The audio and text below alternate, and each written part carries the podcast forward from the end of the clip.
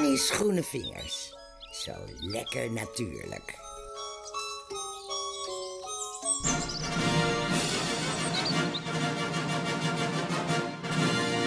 En de winner is Camille. Deze plant werd in Duitsland in 1987 uitgeroepen tot geneeskrachtige plant van het jaar. Ik vind hem heerlijk als thee. Als je bijvoorbeeld een keertje te veel bijgeborreld hebt, is het de volgende dag echt een opkikker.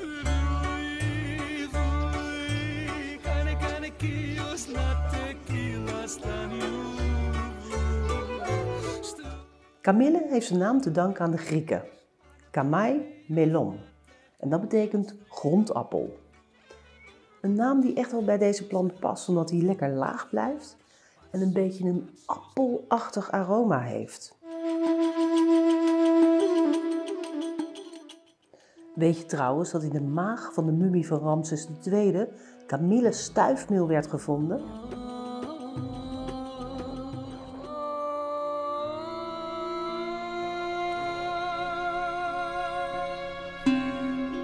Bij de Angelsaksen was kamillemaiten een van de negen heilige kruiden. En die was door Wodan aan de mensen gegeven. Dat komt terug in het 9e eeuwse gedicht van Lacnunga. Bedenk toch, gij maiten, wat gij verrichtte, dat nooit door komende ziekte fataal getroffen werd een mens. Daarbij gaven de maiten tot medicijn vermengd.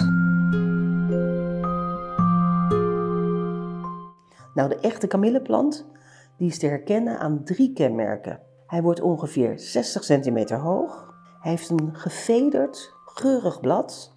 En de opvallende witte bloemen hebben een geel hartje. En ze zijn vooral te vinden op akkers, langs sloten en in bermen. In het volksgeloof in de middeleeuwen was de werking van de plant het grootst als die voor Sint-Jan werd geplukt. Na die datum zou die namelijk schadelijk zijn bij gebruik, omdat hij door heksen zou zijn besprenkeld. Het scheen trouwens ook te helpen om de plant op te hangen om heksen weg te jagen bij je huis. Wat een flauwekul trouwens over die heksen. Dat waren gewoon hele wijze vrouwen die vaak heel veel van de natuur wisten.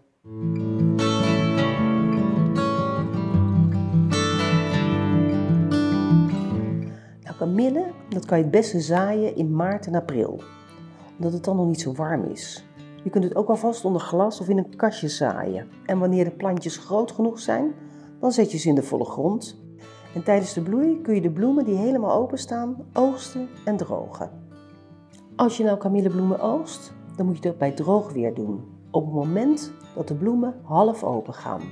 Daarna droog je ze heel snel in het donker om te voorkomen dat de bloemen zwart worden.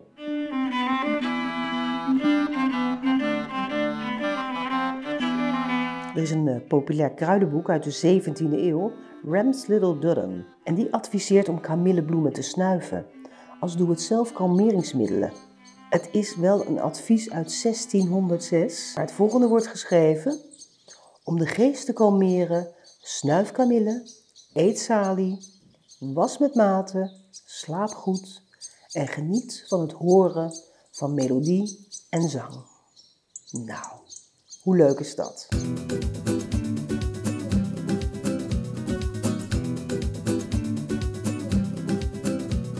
In Spanje heet kamille manzia, appeltje, of manzanilla. En als je liever wijn dan thee drinkt, kun je het ook in die vorm krijgen. De Spanjaarden kruiden een van hun lichtere sherry's, manzanilla, met kamille. Kamille wordt in de cosmetica-industrie heel veel gebruikt om haar blond te maken. En dan wordt het verwerkt in shampoo en dan wordt het haar dus wat blonder en het gaat beter glanzen.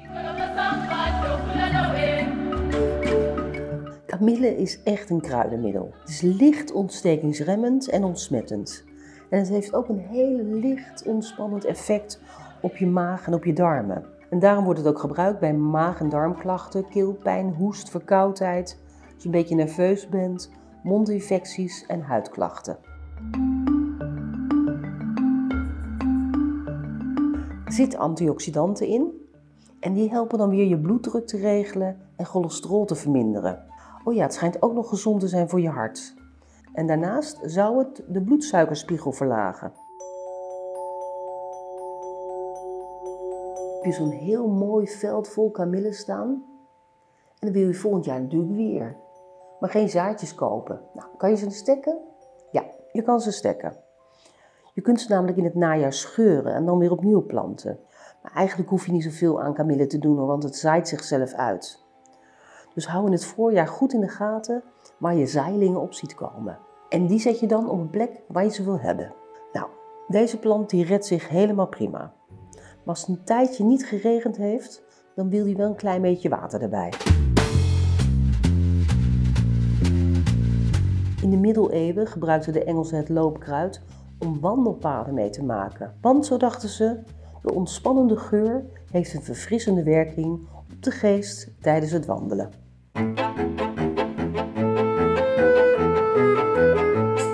De Hongaarse zigeuners die maakten van een kwart kop van sterk afkooksel van gedroogd waterdrieblad en kamillethee een heel krachtig medicinaal extract. En het wordt gebruikt om heel veel kwalen te behandelen.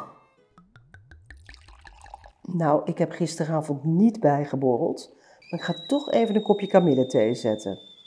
Toedeledokie.